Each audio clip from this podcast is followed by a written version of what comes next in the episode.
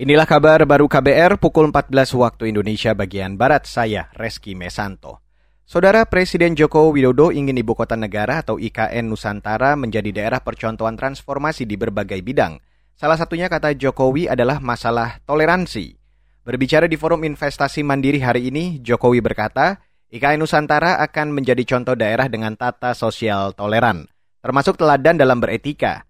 Selain itu, di IKN, pemerintah juga akan melakukan pembangunan berkelanjutan dan berfokus pada ekonomi hijau dengan mengenalkan Green Industrial Park di Kalimantan Utara sebagai titik penting transformasi ekonomi hijau Indonesia. Jokowi juga menargetkan pemindahan ibu kota negara dimulai 2024. Kita beralih ke Pati, Saudara. Pemerintah Kabupaten Pati, Jawa Tengah kembali mengaktifkan ruang-ruang isolasi terpusat yang tersebar di rumah-rumah sakit di kabupaten itu.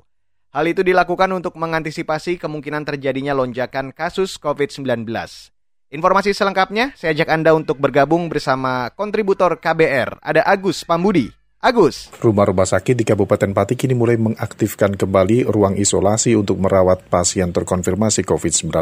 Karena sejak beberapa hari terakhir ini, temuan kasus terkonfirmasi COVID mengalami lonjakan yang signifikan. Menyikapi hal itu, Bupati Arianto memerintahkan semua direktur rumah sakit untuk memfungsikan kembali ruang-ruang isolasi terpusat untuk pasien COVID-19.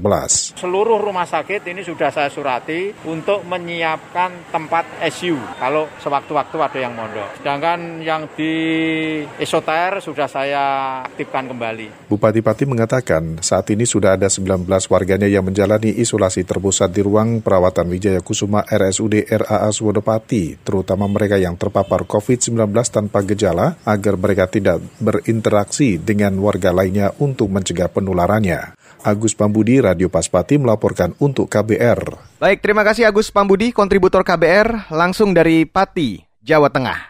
Masih seputar COVID-19, Saudara Korea Selatan mencatat hampir 50 ribu kasus baru COVID-19 kemarin. Angka itu menjadi rekor penambahan kasus harian yang dialami negara gingseng itu sejak pandemi COVID-19 dimulai. Badan Kesehatan Korsel menyebut penyebaran varian Omikron jadi penyebab utama peningkatan kasus ini. Apalagi hal itu menjadi pertama kalinya Korsel mencatat penambahan kasus di atas 40 ribu. Badan Kesehatan Korsel juga memprediksi jumlah kasus akan meningkat lebih dari 300 persen jelang akhir bulan, yang artinya rata-rata kasus harian akan melonjak dari 35 ribu menjadi 130 ribu hingga 170 ribu per hari. Dan saudara, demikian kabar baru saya Reski Mesanto.